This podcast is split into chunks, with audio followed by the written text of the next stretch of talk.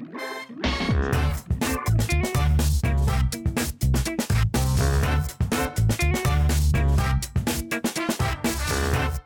til Olympiapoddens eh, ferdighetshjørne. Jeg heter Morten Bråten, og med meg i studio har jeg Lene Puntervold, kollega i motorikk- og ferdighetsutviklingsavdelingen. Yes. Arne Jørstad Riise, leder for idrettspsykologi. Øyvind Sørvald, tennis. Du er kjent for å være inn i Kasper Ruud sitt eh, team som analyse- og teknikkekspert. Ja. Og så har du jo også en ekspertise innenfor trenerutdanning. ja. I forhold til det å strukturere opp eh, trenerutdanning. Og du er jo en av talsmennene for pedagogisk arbeid i idretten. Kan du si litt om bakgrunnen for det, Øyvind? Altså, jeg møtte- ganske tidlig en god mentor. Faktisk Læreren min på skolen han ble også tennistreneren min. Han, og så fikk jeg en ny mentor. og De var så gode på det pedagogiske at jeg gikk hver dag hjem og tenkte nå skal jeg trene litt mer. Og, og, og det har fulgt meg hele tiden. Med gode lærere, mentorer fra jeg var ganske ung, det har gjort liksom at de har fulgt meg og tenkt at det å bygge på det videre, det har vært det som jeg har gjort både på tennisbanen som trener, og det som jeg har gjort for, som trenerutvikler. Så det har liksom fulgt meg hele tiden. Og er ganske Ja, jeg syns det har vært en veldig gøy måte å bygge videre på det jeg lærte som ung. Og da, da skjønner alle lyttere at vi skal snakke om pedagogikk i norsk toppidrett. Og hva er pedagogikk? Eh, definisjonen sier noe om et vitenskapelig fagområde. Oppdragelse, undervisning og sosialisering. Vi i toppidretten vi snakker om lære og lære. Eh, tilrettelegging for læringsprosesser. Eh, hvor vi snakker om mestring. Vi snakker om helhet. Eh, så det handler om læring for å endre noe. Så jeg har lyst til å Arne, hva kjennetegner den gode utøveren på et høyt nivå? Nei, det kan det sikkert sies veldig mye om. Eh, Jeg har tenkt litt sånn spesielt på det nå, da, i og med at eh, vi er her samla i den podkasten. Og jeg tenker at kanskje noe av det aller viktigste eh, når det gjelder kjennetegn, er at det handler om at han eller hun vet, eller i hvert fall har en veldig klar, tydelig og sterk formening om hva han eller hun trenger fra eksempelvis en trener eh, for å, å bli så god eh, som, som vedkommende har lyst til å bli eh, i forhold til målsettinger, visjoner. Vedkommende har en sterk formening om hva han eller hun trenger. Et eksempel på det det kan jo være Johan Olav Koss som forteller om da han kom på landslaget, så beholdt han samtidig eh, treneren sin, Svein Håvard Sletten, som han hadde hatt fra han var syv-åtte år gammel. Så i praksis gjennom hele sin seniorkarriere så hadde eh, Johan to trenere. Eh, Svein Håvard Sletten og Hans Trygve Kristiansen. For som han sier, jeg trengte begge. De hadde ulike kvaliteter, ulik kompetanse. Jeg trengte begge for å bli så god som jeg ville. Eh, Hvordan opplever du de aller beste utøverne, Lene? Eh, Hva er det som i ditt hode kjennetegner de gode utøverne? Det er jo mye av det som Arne sier, det at de ofte har en veldig sånn tydelig formening om hva de trenger. Um, og at de ofte er veldig gode på å kommunisere rundt dette. Og reflektere høyt om dette. Invitere oss rundt inn i det. Det er jo det som kjennetegner de aller, aller beste. Eh, Din eh, elev eh, Ja, altså de, de som blir så gode de har lyst til å bli, da, de, de har alltid den indre flammen da, gående. Og de, de, de har en indre drive da, som du lurer på hvor kommer den fra. Du, er det liksom eh, Hva er det som gjør at de har hele tiden et lyst til å lære, lyst til å utvikle seg? Du ser de aller beste i tennis i dag, de er mange og 30 år, men de hele tiden utvikler seg, og de sier det at eh, Djokovic sier sant, at når han nå er 36, så er han mye bedre enn han var 30. Mange tenker at han som 36-åring kanskje er litt treigere, eller et eller annet sånt, men han sier hele tiden at han er bedre. Og det kjennetegner de spillerne jeg har jobbet med de siste årene, og selvfølgelig Kasper, er jo en som alltid tenker OK, jeg kan ikke bare fortsette der jeg var i fjor, men jeg må bli litt bedre. Så det å ha den indre driven er kanskje det som jeg syns kjennetegner alle sammen, som i hvert fall jeg har sett blir så gode de har lyst til å bli. da. Jeg i det. Eh, Og da snakker vi om den der, eh, hva skal jeg si, det jeg vil kalle den ekstreme utviklingsorienteringa. Et, et litt morsomt eksempel på det, som var en litt aha-opplevelse for meg i hvert fall, det var Vi gjorde et intervju med Magnus Carlsen til et bokprosjekt i 2013. Og da hadde han vært verdensener siden 2010 i sjakk. Men han sa i 2013 at han da nesten ikke kunne forstå hvor lite sjakk han kunne i 2010. Da han også var verdensener. Så det var en sånn eh, aha-opplevelse i forhold til det ekstreme utviklingsfokuset som ligger der. Jeg vil bare nevne en ting, og det er, liksom, det er jo et skille der mellom de som har prestert, og har det, den tryggheten i det de har jobba med, det de har eh, Ja, det de har hatt som mål. Eh, og fått bekreftet på at, det, at de sitter med noen svar som kan ta dem på et høyt nivå, og de utøverne som er veldig gode, men aldri har fått den bekreftelsen gjennom en sånn type Ikke bare resultat, men fått den bekreftelsen på at det de allerede kan, eh, har eh, som, altså det, det kan ta dem til de høydene de ønsker. da. Det er en, det er en skille i forhold til hvordan vi òg forholder oss til dem. Vi snakker om eh, utøveren. Men hva er det som kjennetegner en god trener? Pedagogen? Nei, jeg syns det er litt av det samme. Jeg synes at det er litt av det samme at uh, hvis du skal bli nummer én i din idrett, så må du også tenke at de folka rundt deg må være nummer én. Og da kan ikke de sitte og si det at ja, vi, det er sånn vi gjorde det før. De må være hele tida på, de må hele tida være oppdatert. De må bruke hele tiden det som er tilgjengelig for oss å kunne jobbe der. Så jeg syns det ligger litt i det at team eller trenere har den samme tanken om det at ok, du blir bedre og bedre hver gang. Du har litt mer erfaring, sånn at du ser da når, når diagnosene kommer, eh, eller når, når symptomene kommer, så vet de veldig fort hvilke medisin de skal sette inn når fordi de har sett det før. De har erfart det før, de vet situasjonen når det kommer. sånn, Så jeg syns det er litt sånn er lik, da. Utøver og, og trener er ofte, da. At de gjør, øh, tenker likt og, og utvikler både hverandre og hele tiden passe på å være på, på en utviklingslinje. Nå, nå har vi vært igjennom en del kjennetegn på utøvere og trenere i verdensklasse. Men hvordan kommer man dit? Eh, vi har ikke sagt noe om eierskap og det å være selvjusterende, eh, det å ta et ansvar. Hvordan kommer vi til at vi får utøverne til å ta det eierskapet, til å ta det ansvaret, og til å være selvjusterende på et teknisk nivå? De vet eh, hva de gjør i forhold til bevegelser, og greier å justere seg inn på det. Men eierskapet går jo på hele prosessen. Vi tenker jo helhetlig. Det er ikke, selv om vi jobber med motorikk og ferdigheter, Lene, så jobber vi med hele mennesket. Så vi snakker om eierskap i flere lag i den prosessen. Jeg syns at det der med eierskap av og til er litt sånn problematisk, fordi du, du sier at ok, nå må du ta eierskap, og så trekker vi oss tilbake. Jeg tenker at du som trener må være hele tiden opptatt ganske tidlig fra unga at de observerer, de kjenner etter, og at de lærer seg da at de ikke bare ser seg rundt hva gikk galt nå, ikke sant, men de må også kjenne etter det selv. Og, og hvis du ut som trener da prøver å både gi dem det eierskapet, men også passe på at du bygger den forståelsen sånn at de er på treningsbanen eller i konkurranse, at de kjenner litt selv hva som skjer. Fordi det er vel litt sånn å bli trent. Det er jo et sånt uh, uttrykk som vi sånn, og det er ikke alltid så bra. Men hvis du tenker at det å trene på egen hånd, for det er også en kjennetegn for de som er det beste. De har jo trent og jobbet veldig mye på egen hånd. Og da har du gjort en god jobb som trener, at du både har gjort dem bevisst, at de forstår det de gjør. Og vi pratet litt om dette her forleden, om dette med forståelse. Hva er det faktisk du holder på med? Og det er vel det, Når du har fått utøveren dit, da har du kommet langt som trener. Hvordan eh, jobber du med utøvere for å få de til å lære det eierskapet, Lene? Er det, har du noen eksempler på det? Um, eksempel, jeg, kanskje kan, jeg kan tenke på eksempler mens jeg snakker, men jeg Ja. tenker først og fremst det ansvaret jeg har om å skape dette støttende læringsklimaet. Og den måten, sant, jeg, Å møte utøveren med en åpen tilnærming, forstå deres nå-situasjon, lytte, spørre spørsmål, være nysgjerrig. Jeg tror det er kanskje det viktigste uansett. Sant? Ikke bare i starten når du møter den utenfor, men gjennom hele prosessen.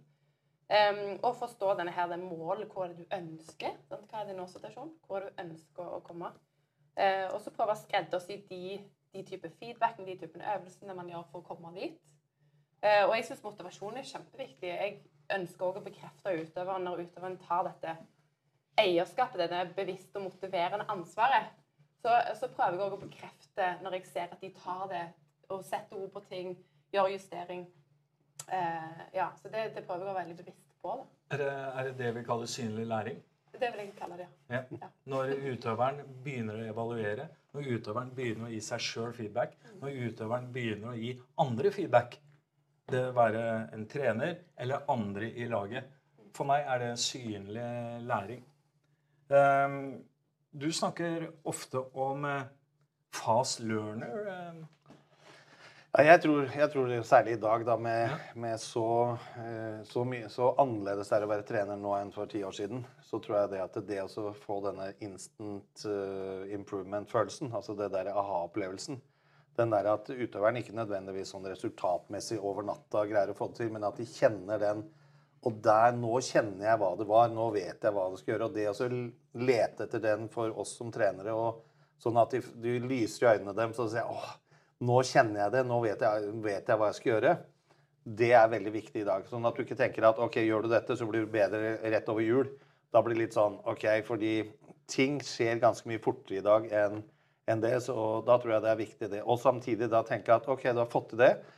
Da er det det altså å gi dem den, den, progresjonen og tenke ok, nå har du gjort dette, og så neste er dette. Så du viser dem en, en vei, da, en, en pathway fra der de er når de har fått den følelsen Oi, fordi når de har kjent den følelsen at der er det, så er det ikke sånn at du må gjøre ting 5000 ganger for å automatisere. Da går automatiseringa ganske fort. Men det er å finne det den er, der at der, nå, har vi, nå skjønner vi det, nå føler vi det. Det er en veldig viktig greie.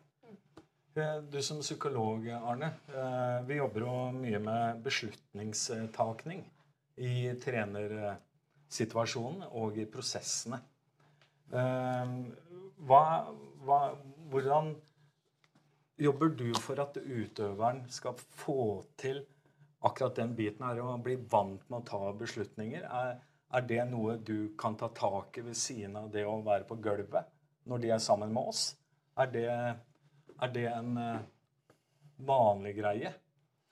Jeg vil jo si, Spole litt tilbake. da, Hvis jeg forstår Øyvind riktig, så det med eierskap Man kan snakke om det på ulike måter. Men det, fra det, det, å være en ung utøver da, og eventuelt utvikle seg til det høyeste nivå, så er det her en prosess som, eh, som går over mange år.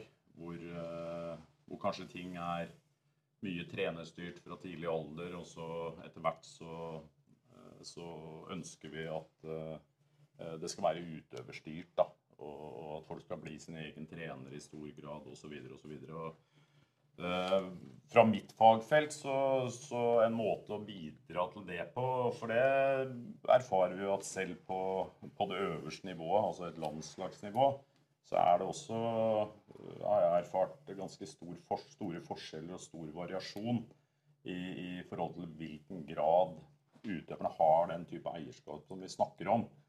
Og noe av det som vi kan gjøre, det er å utfordre i forhold til uh, hvordan utøveren leter etter løsninger på utfordringer. Uh, uh, og da, da, er ofte et første skritt er å Det kan være å motivere utøver til å lete litt i seg selv. Ja. Man kommer inn som en utøver. Det er sterke landslagsstrukturer, det er gode trenere, og det vet de. Og da kan det snike seg inn en litt sånn underbevisst tanke om at bare jeg gjør som de sier her, så er det min beste sjanse til å bli god. Men uh, da kan det glippe litt i forhold til hva skal jeg si, det, det eierskapet vi snakker om. Da, det å ta beslutninger selv i forhold til hva man tror på, kan skape utvikling og mestring. Så, så, det er noe som jeg og vi uh, utfordrer både titt og ofte på. Eh, at du kan få en følelse av at utøveren leter utenfor seg selv hos trenere og, og i strukturen. Mm. Men det kan være spennende prosesser, og da kan du også få, opplever jeg, da I alpin så var det en trener som sa til meg en gang at we are always looking for leaps. Altså raske endringer. Og det kan være innenfor teknologi, innenfor mange typer løsninger. Men jeg syns sjøl jeg har erfart her i, gjennom jobben i Olympiatoppen at når utøveren eh, tør å være mer intuitiv, tør å lete etter løsninger seg selv, så, så kan det også skje ganske store leaps ganske raskt i forhold til hvordan læringsprosessene foregår. Da, I forhold til hvordan utviklingen foregår. Er det feil å si at de aller beste er veldig innovative i forhold til sine egne prosesser, utviklingsprosesser?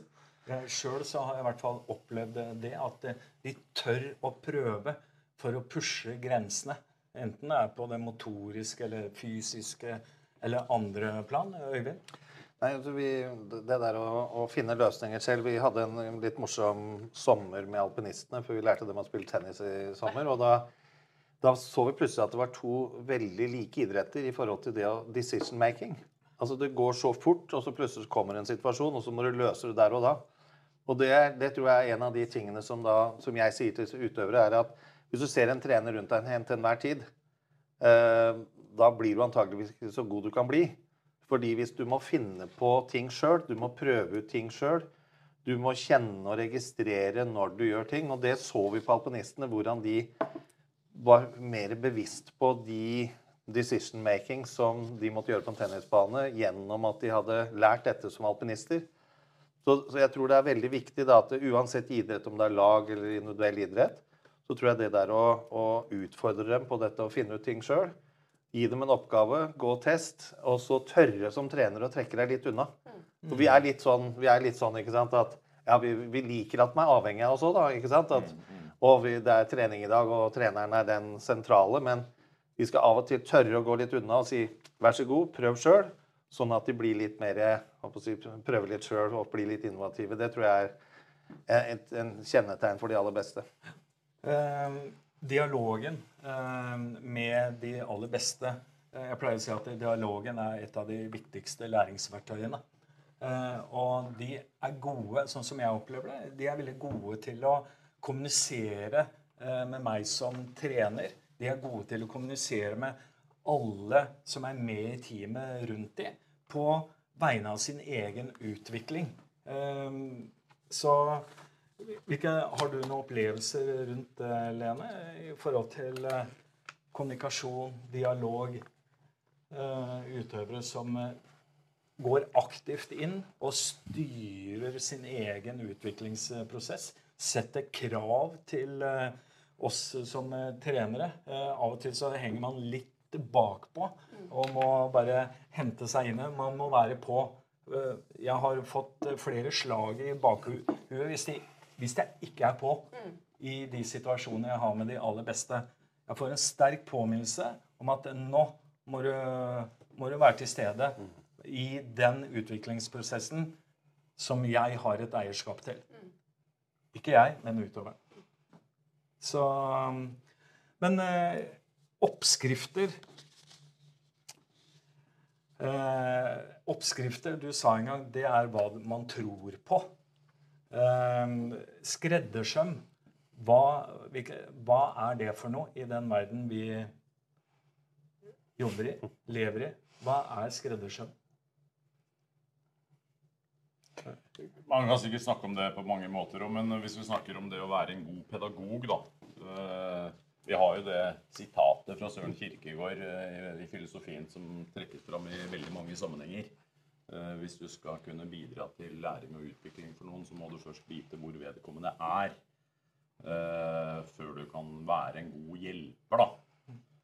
Uh, så, så, det er litt sånn basic i forhold til det å være en, en, god pedagog. tenker jeg At man er nysgjerrig på hvor den andre er, og prøver å forstå, forstå den andre. Uh, og jeg tenker i forhold til det med, med eierskap, og som du er inne på Altså Utøvere som har en sterk formening om hva de trenger, de stiller jo automatisk ganske sterke krav også til de rundt seg. Og hvis de ikke får det de føler de trenger over tid, så blir de bytta ut. Hvis de har muligheten til det. Eh, De, de søker kompetanse, de søker utvikling. Og, og noen ganger så Jeg kjenner utøvere som har jobba sammen. Det kan være trenere, mentale trenere, som, som forteller om at etter et par-tre år så kan relasjonen være uttømt. Fordi det er ikke noe mer å hente der. Og da, da går de sterkeste utøverne videre til neste tue. Så det er en sånn stadig søken og nysgjerrighet da, i, i forhold til sitt eget prosjekt. Ja. Feedback-prosesser, Øyvind. Mm. Du er jo spesialist på det. Du holder jo foredrag innenfor Mm. hvordan du former og, og utvikler eh, utøvere gjennom dine feedback-prosesser. Kan du fortelle lytteren litt om Nei, altså Både overfor trenere. altså Det også, også, også være litt sånn opp, obs på dette med feedback. altså fordi Vi tar et eksempel, enkelt, veldig enkelt eksempel. da, Det er jo det at man eh, I dag så ser man på en øvelse, og så stopper man stort sett øvelsen når noe går galt. Istedenfor å gjøre det motsatte og si det at OK, du stopper å feire litt når ting er, er riktig. Og det er en øvelse vi trenere må, må jobbe litt med. Og, og hvis du te- tenker da til å spesialsy en trening, så er det jo akkurat det at når du trener en utøver, så må du tenke at du går på banen. Og så tenker du for oss da, å gå på banen, så er det litt sånn at du Dette er hensikten i dag. Dette er det vi har sett. Dette og så. Og når da de får til det, så må du stoppe og si 'Der gjorde du det riktig'. Ja. Istedenfor å stoppe og si 'Der gjorde du det feil'. For den læringa det Blant annet har jeg lært mye av Kalle Hageskog, som er her oppe, som sa det at eh, den måten å være pedagog på, den må du trene litt på, for det er veldig lett å stoppe når ting Hei, hei, stopp, liksom. Nå, nå, nå, er det, nå er det ikke riktig. Men hvis du kan gjøre det og trene litt på det og se at du ser når utøvere gjør riktige ting, det tror jeg er en, en veldig viktig feedback som vi må trene litt på. Og da ser du at utøvere blir litt glad. da. Og ser at, Oi, jeg gjør noe riktig. Og jeg har hatt tennisspillere som For vi har gjort en del analysearbeid, så sier du å, jeg vil ikke ha det der, fordi jeg vil ikke se når jeg gjør ting feil.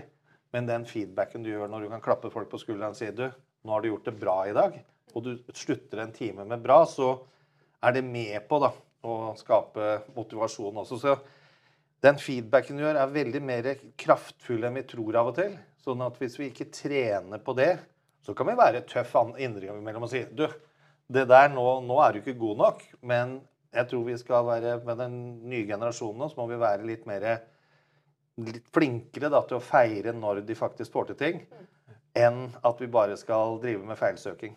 Ja, catch cash them being good, da. Ja, det, absolutt. Ja, det er et sterkt prinsipp. Ja, veldig, veldig viktig. Ja. Jeg er 100% enig, og så tenker jeg også at det er veldig mange utøvere som blir veldig gode på å forstå når de gjør ting feil. Men det er ikke, de, de- det er fokuset. sant? Bare fortell meg når jeg gjør feil. Eller, Mm. Men at de nesten glemmer Men hva er på en måte den beste løsningen for meg, da? Mm. Jeg tror det er ekstremt viktig ting å ta med seg videre. Bygge opp rundt det. Ja. For det, det er utøvere på toppnivå som er veldig opptatt av feil. Mm. Jeg tror det kan, ja, det kan ta en retning som ikke er veldig progressiv. egentlig. Ja, og Trenere blir jo av og til litt sånn ikke sant? Du blir målt i hvor Hvis du gir ting tilbakemelding, så tror jo også vi har gjort det alle sammen, at vi tenker da at hvis vi påpeker det, så er vi skikkelig gode trenere.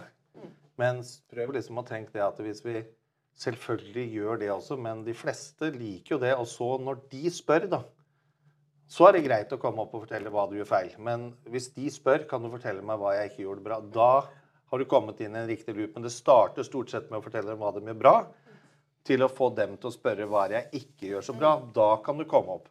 Men tør å holde litt igjen når du ser noen som kanskje ikke har den riktige takta, eller glir nok på ski, eller du gjør et eller annet, så er det fort gjort å gå på. Men vent litt, da. Hold litt igjen, og så få dem til å spørre. Da, har du kommet, tror jeg, inn i en viktig dialog med dem, da. Ja, og det som du er inne på, Lene, det er veldig mange utøvere som eh, er nye sammen med oss, som hele tiden spør etter hva gjorde jeg feil nå? Vi jobber jo med bevegelse. Hva gjorde jeg feil nå? Og da er det en opplæring i forhold til det at eh, vi skal skjønne at eh, det er noe som er mer effektivt og mindre effektivt. Det er ikke noe som er feil. For vi leter etter gode løsninger for, for hvert enkelt individ. Da, for alle utøverne. At det blir en skreddersøm på det. Så, men det er en prosess i seg sjøl. Å få de til å, å tenke i mer effekter og ikke i feil. Ja, jeg, på trenerkurs så viser jeg en video.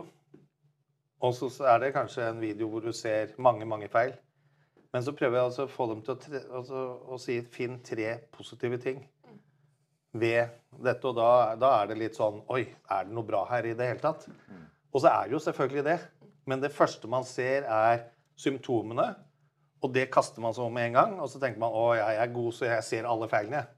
Men du, tren på det å finne tre positive ting ved uansett en øvelse. Så, så, så du vet, jeg har vært på lagfotball eller hockey. Så ser de kommer i sirkelen, og så viser de hva de gjorde feil. Det er ikke en dritt læring i det, spør du meg. Men eh, jeg vet Øyvind, at du bruker mye bilder. Du er, bruker veldig mye video som et verktøy i det pedagogiske arbeidet.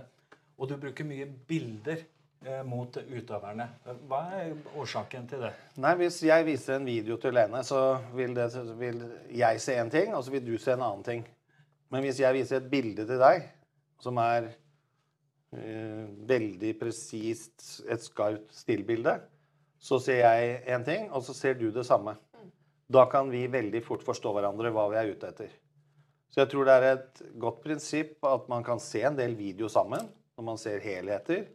Men hvis man er ute etter tekniske detaljer og påpeke og se ting i særlig høy hastighetsidretter som jeg holder på med, så er detaljene av og til litt vanskelig å se på en video, men stillbildene vil fortelle mye mer. Så språket, det å forstå hva man mener med de uttrykkene man kommer med, det er viktig. At man har en sånn gjensidig forståelse av eh, ord og uttrykk. Og da er det greit å bruke bilder. Ja, ja. For da, For da, sier, da sier vi én ting, så sier vi her er treffpunktet. Ja. Og så ser du det samme, jeg ser det samme. Men treffpunkt kan være i Det kan, er ikke så definitivt i en video. Jeg hadde bare en sånn historie, jeg hadde tre trenere hvor vi diskuterte et begrep innenfor idretten. Og alle trenerne la tre forskjellige Det ble tre forskjellige utgaver av det begrepet. Sånn at eh, man snakker for lite om hva man mener med de begrepene man bruker ofte i feedback og kommunikasjon. Og der, Man skal ikke ta det for gitt, selv om det, vi har med voksne utøvere å gjøre. Eh, alle tror at eh, alle skjønner alt. Eh, men sånn er jo ikke verden. Så jeg tror eh, det er i hvert fall et budskap som jeg eh, ofte kommer med blant andre trenere. Det er at eh, språket, språket, det er viktig. Å skjønne hverandre og vite hva man legger i de forskjellige feedback-begrepene når man har en kommunikasjon med utøveren. Økt Øktdesign. Eh, vi har en feedback-modell også, Arne, som du har vært en del av. Kan du fortelle litt kort om eh, den, hva den eh, går ut på? Ja, det kan jeg godt gjøre, men, men først så vil jeg bare si at det jeg opplever at du sier at det handler mye om forenkling. Mm. Eh, Jeg har jo fått med meg at du på en måte har gått litt fra mye videobruk til stillbilder. Altså du gjør det enklere. Og jeg tenker feedback handler jo om informasjon. Jeg tror jo at eh, rett som det er, så, så er det en overload av informasjon til utøveren. Det handler ikke bare om å påpeke feil, men, men det er eh, feedback-prosessene kan egentlig representere distraksjoner da, i forhold til utøverens mulighet til å, å kjenne etter sjøl i forhold til den indre feedbacken og, og skape egen forståelse. Eh, Jeg er litt tilhenger, særlig på det øverste nivået, med litt sånn one thing at a time. eh, Hvis dere skjønner. Mm. Yep. Men når det gjelder den feedback-modellen, den er jo, ja, eh, kall det eh, eh, veldig enkel.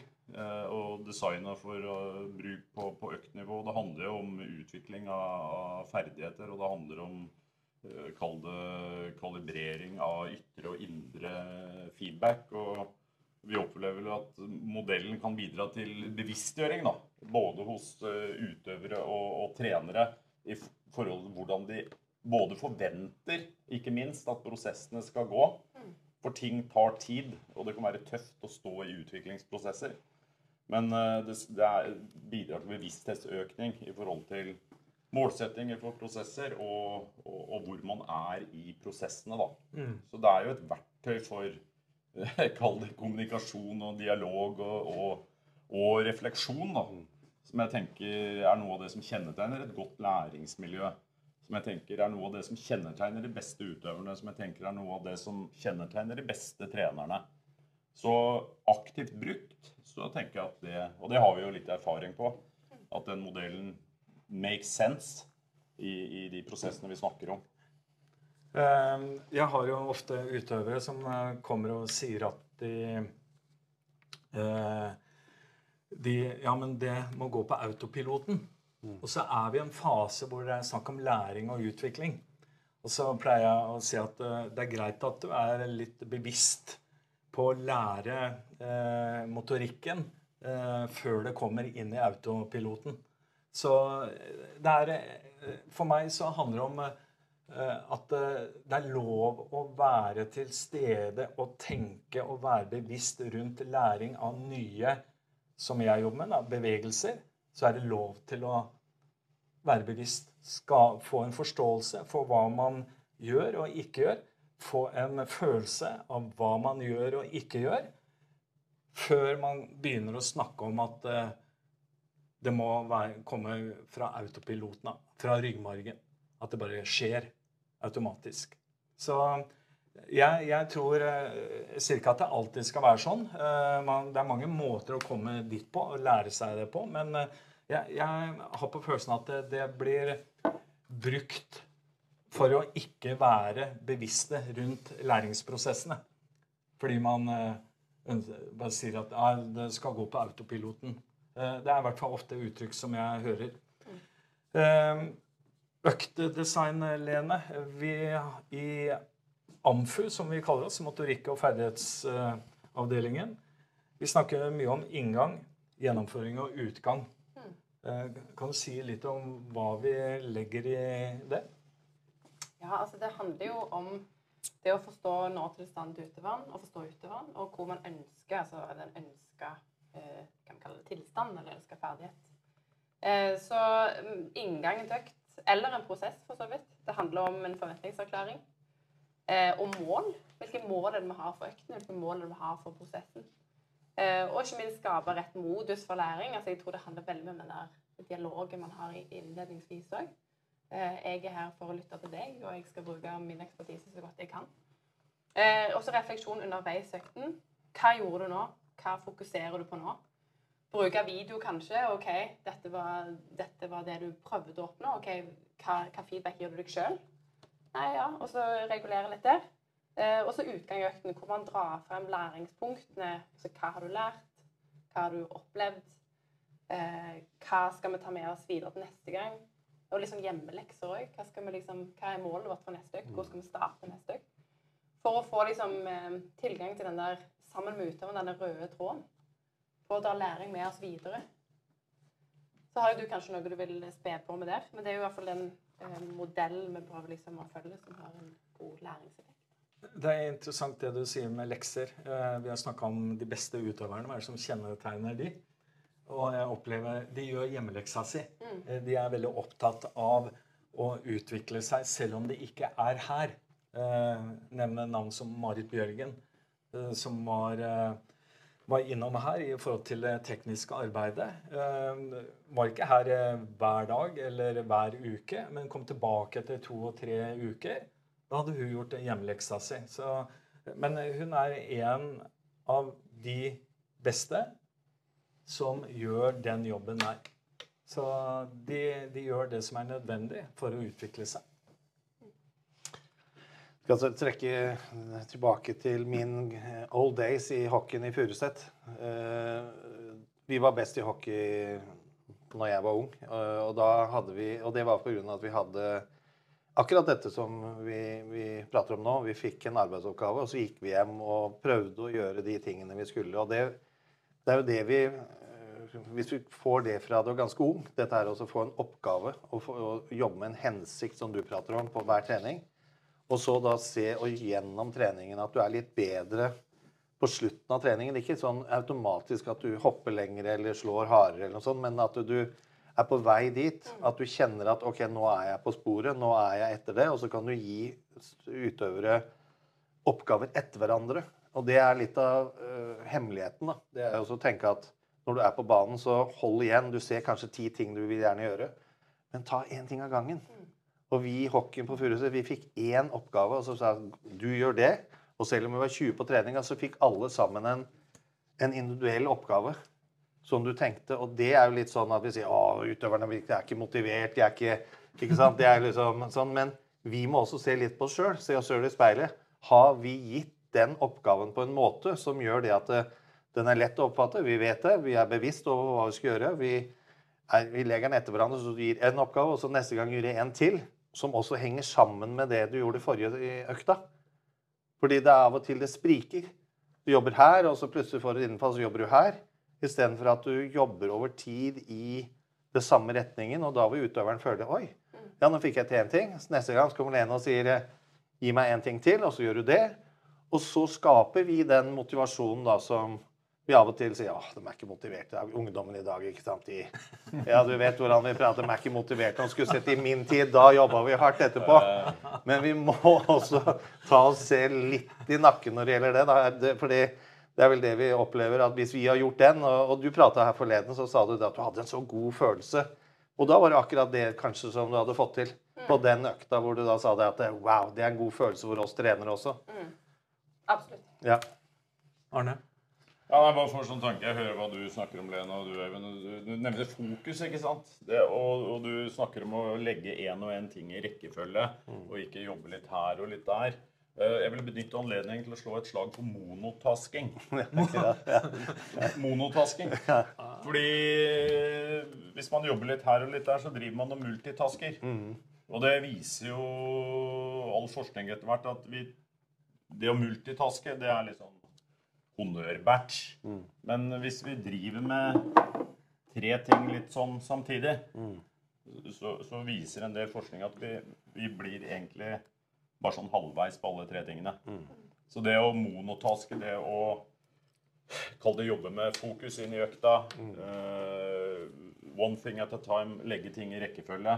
Det tror jeg er noe som uh, Hva skal jeg si Som det også gir veldig mening da, i forhold til å kommunisere med utøvere rundt. Det er veldig lett forståelig.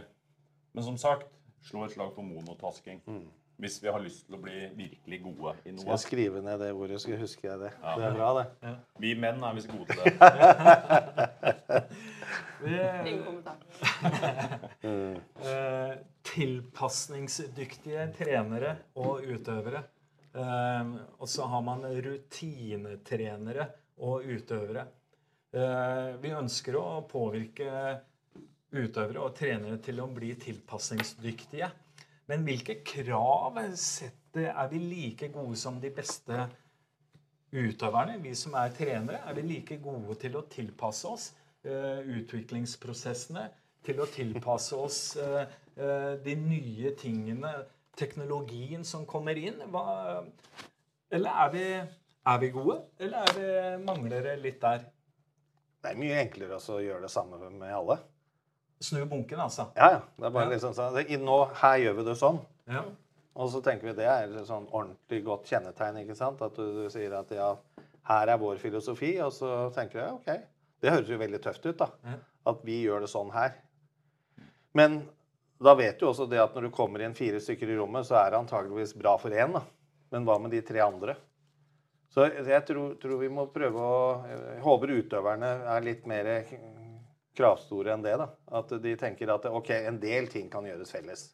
Det kan gjøres en del felles oppvarming, det kan gjøres en del intensitet og, og volumet. Men, men, så for hver, som du nevner om den hver økt, da, så må vi jo ikke sant, eh, tilpasse den hver enkelt. Og, men det er jo mer krevende, for du, du må planlegge før, under og etter. Og da må, du, da må du tenke på utøveren som som det at ok, hva skal hver og enkelt få ut av dette? Og det er derfor det blir litt sånn vi tar litt pri, privatundervisning. Eh, det høres jo fint ut, det, men, men, men, på et høyt nivå så er jo det helt nødvendig. Men du kan også da i en, i en dagsammenheng så kan du gi individuell tilbakemelding og ta, passe på at man ikke ender opp i den der prinsipielle at det er sånn vi gjør det her. Det tror jeg er eh, en fallgruve, da. Men det kan av og til funke. Men det kopierer liksom det vi ser, og det akademiene rundt i verden Det er ikke sånn at de alltid får ut stjerner i andre enden. Fordi det blir veldig sånn at her gjør vi det sånn. Så, ja. Så nei, jeg tror, jeg tror på det at man skal tilpasse Særlig nå, nå prater vi om et høyt prestasjonsnivå. Og da tror jeg man må være veldig klar på at den individuelle tilrettelegginga er der. I forhold til eh, Vi har vært inne på det. Læringsmetoder. Eh, Du har snakka om video, bilder. eh, Vi har snakka om eh, kommunikasjon, dialog. eh, Og monologer også, for den saks skyld. Men eh, eh, explore to learn har vi ikke snakka om. Eh, Det at utøveren skal finne ut av tingene sammen med deg som trener. Prøve å eh, finne ut av gode løsninger sammen med deg som eh, trener. Eh, hva er det, er det sånn at eh, vi kan drive det prinsippet for langt? Er det sånn at det alltid skal være og du må finne ut av det sjæl, eller er det en god blanding her? Eh, vi snakka om dialog, monolog. Når bruker du monologen? Når går du inn og, og forklarer utøveren? Ikke stiller noen spørsmål, men formidler noe kunnskap og kompetanse. Uten å, når, hvordan skal man balansere dette? Eller er det, for et, eh, er det bare noe som skjer der og da? Det er vanskelig å si når det skjer. Eh, Jeg kan si sjøl at eh, jeg bruker mye monolog når jeg ser at utøveren står fast eller blir usikker i, i prosessen. Da bruker jeg monologene. Jeg formidler noe for å løse opp i det. Eh, Sånn at eh, det å ha en eh, filosofi som går ut på explore to learn, handler om en, en balanse mellom måtene å kommunisere på. Selvfølgelig, kan man jo si. Jeg vet ikke Har du eh, noen tanker Ja da. Det, dette, Tanker dette er jo dette, dette er, ikke sant? Så, så det er jo Jeg passer jo på når det gjelder eh, å jobbe med, med Christian som treneren til Kasper, så er jeg veldig sånn opptatt av at man av og til eh, Selvfølgelig, du gir informasjon, og så blir det liksom opp til han å trekke ut essensene som han gir videre til utøver. Og det er liksom den veien det går, at hovedtrener alltid filtrerer den informasjonen. Men når du ser at ting om og om igjen faktisk skjer, så må du av og til være litt mer faktabasert. Altså Du må si det at det, det, dette er fakta. dette er Vi er på jorda, det er en del tyngdekraft og det er en del ting som er her. Så når faktaene er, så må man gå inn og være litt tøffere. Og da, da er det ikke så ofte, men da går vi litt inn og sier at da lager vi en presentasjon, og så poengterer man en del ting for, for en trener eller sånn. Og det tror jeg man må gjøre når du ser at utøvere står fast, og når det, det samme gjentar seg gang på gang. Da må du komme opp med fakta. Og fakta er jo ikke alltid sånn Du må jo kjenne når fakta er riktig å komme med, da. Og det kjenner du litt på blikket, og du kjenner litt på sånn Er det mye stress, så kommer man ikke alltid med fakta, men er man litt sånn i rolige settinger, så kommer man med faktaene, for, og da må man ofte være litt mer Sånn er det faktisk. Dette er, dette er sånn det er, og dette er de tingene som gjentar seg.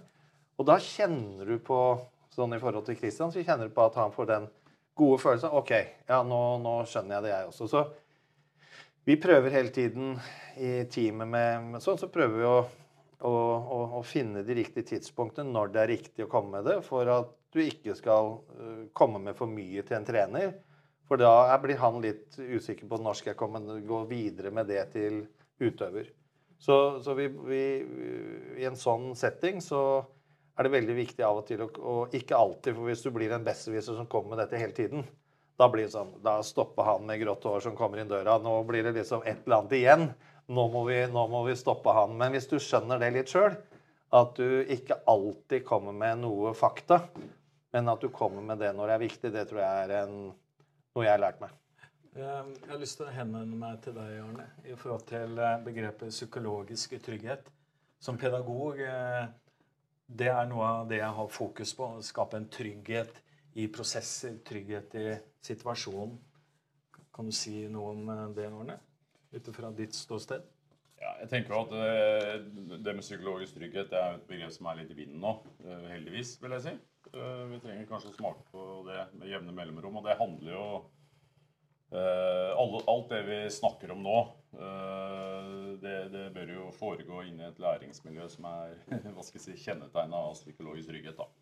Og det som ligger i det. Og det, det handler om trygge relasjoner, det handler om god kommunikasjon, det handler om å akseptere feil. Og ikke bare akseptere det, men se det som en nødvendig del av utviklingen. Jeg tenker at Psykologisk trygghet handler jo mye om det vi på godt norsk kaller for god takhøyde. Hvor man liksom man er enig om målet. Man er enig om målene. Det er avklart eh, i bånn.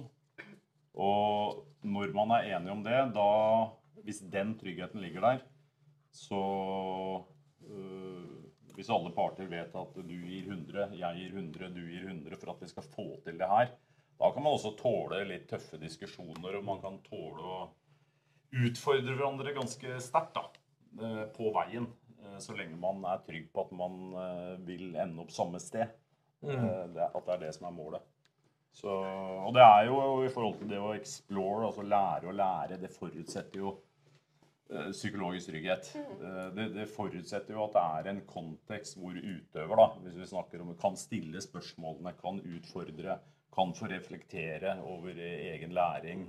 eh, Og etter hvert bli aktivt involvert da, i, i sine egne prosesser. Og med det, det ser man jo veldig på et høyt nivå òg. At liksom det er en veldig sånn treningssak, det å faktisk tørre to explore. For det er veldig mange er jo veldig opptatt av å vite litt eksakt hva er det jeg prøver på, hva er det jeg leter etter. Så av og til må man egentlig bare man må snakke med utøveren om at det her vil jeg at du skal oppleve. Oppleve altså Det det kommer ofte til å bli litt kaos, og det er greit. La oss liksom starte med en, et, en målsetning noe du jakter på. ok, Vær så god til øvelsen, og så bare prate om det etterpå. Jeg tror det er flere utover som føler at det er ganske kaotisk. altså. Og det å faktisk uh, bli satt i en situasjon hvor du må prøve å finne. Nei, jeg tenker jo i forhold til det du spurte, altså det med å eksplorere, da, utforske. Eh, For meg og vårt fagfelt så handler det om det handler litt om hvor utøveren er i årssyklusen. Eh, Det er kanskje ikke det du legger mest vekt på dagen før en Grand Slam-finale. Og for meg og for oss så handler det litt om Det er ikke sånn at hvis utøveren spør hvor mye klokka er, så sier ikke jeg hva føler du selv at den er. Ikke sant? Altså, da forteller du hva tida er. Og for meg så handler det om at utøveren i store deler av sine prosesser kan eksplorere og lete etter løsninger osv. Men så kommer det til et tidspunkt kanskje hvor det enten er veldig viktige ting, eh, klare beslutninger må tas, det kan være kriser, hvor, hvor du faktisk gir råd. da. Ikke sant? Du gir konkrete råd. Ja. Ikke fordi at du, du eh, er så sikker på at det er fasiten. Men, men her må vi velge å spille et eller annet kort, rett og slett. Ja. Eh, Så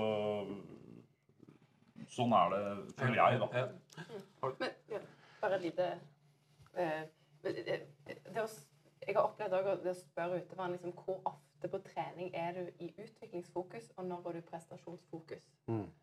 Um, og få de til å bare begynne å tenke litt òg på hvor mye hvor mye lar jeg meg selv i de periodene det, i sesongen det lar seg gjøre? Hvor mye tør jeg å slippe opp og lete? Eh, og når er det jeg skifter? Eh, for jeg tror det er veldig mange som ikke har et helt forhold til det å være i utviklingsmodus. Jeg tror det er veldig mange som føler at de er i prestasjonsmodus hele veien. Og der har jeg et godt eksempel som jeg har fra deg, Morten, som jeg husker veldig godt. Eh, Jeg kan ikke nevne navn på utøvere, men det var en utøver som du fortalte om, som jobba med ting eh, hva skal jeg si, mellom konkurransesesongene. Eh, Det handla om utvikling, men så fortalte du at det begynte å nærme seg sesong, og så plutselig så fikk du en melding Kontroll alt elite. Det her må vi stoppe. Jeg må tilbake til det gamle mønsteret, som vi kan være enige om ikke er helt optimalt. Men eh, nå er det kontroll alt elite, og så må vi starte eksploreringen og utviklingen eh, etter sesong én. Så vi må på en måte prøve å ha litt fingerspitzgefühl da, på hvor utøverne er igjen Absolutt. i de prosessene her. Ja, jeg må få si det, det, det tror jeg er hele nøkkelen fra det vi egentlig prater om, eh, pedagogikken i, i det. For vi må ha empati. Altså den empatien som vi må kjenne etter.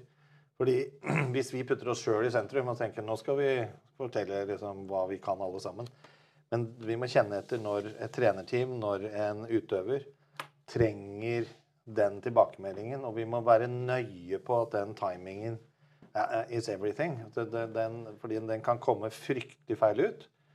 Og, det, som, det som jeg erfarer, det er jo at hvis vi ikke er helt enige, som du sier, i forhold til det der miljøet, det læringsmiljøet som man har, hvor det er takhøyde og hvor det er sånn, så er det ofte at vi, vi feiler da, fordi vi ikke har bygget den der fundamentet først. Så vi er litt sånn usikre på når vi skal komme inn. Så man må spørre litt grann, er dette timing riktig? Er det riktig innhold? Er det noe som jeg har lyst til å si? Eller er det faktisk essensielle ting som må til for å skape utvikling? Fordi læringsmiljø, som, som jeg prater om hver dag, det er jo da å finne den riktige balansen i forhold til da å drive med utvikling, men hele tiden også tenke på skal dette, hva skal dette føre til. Mm.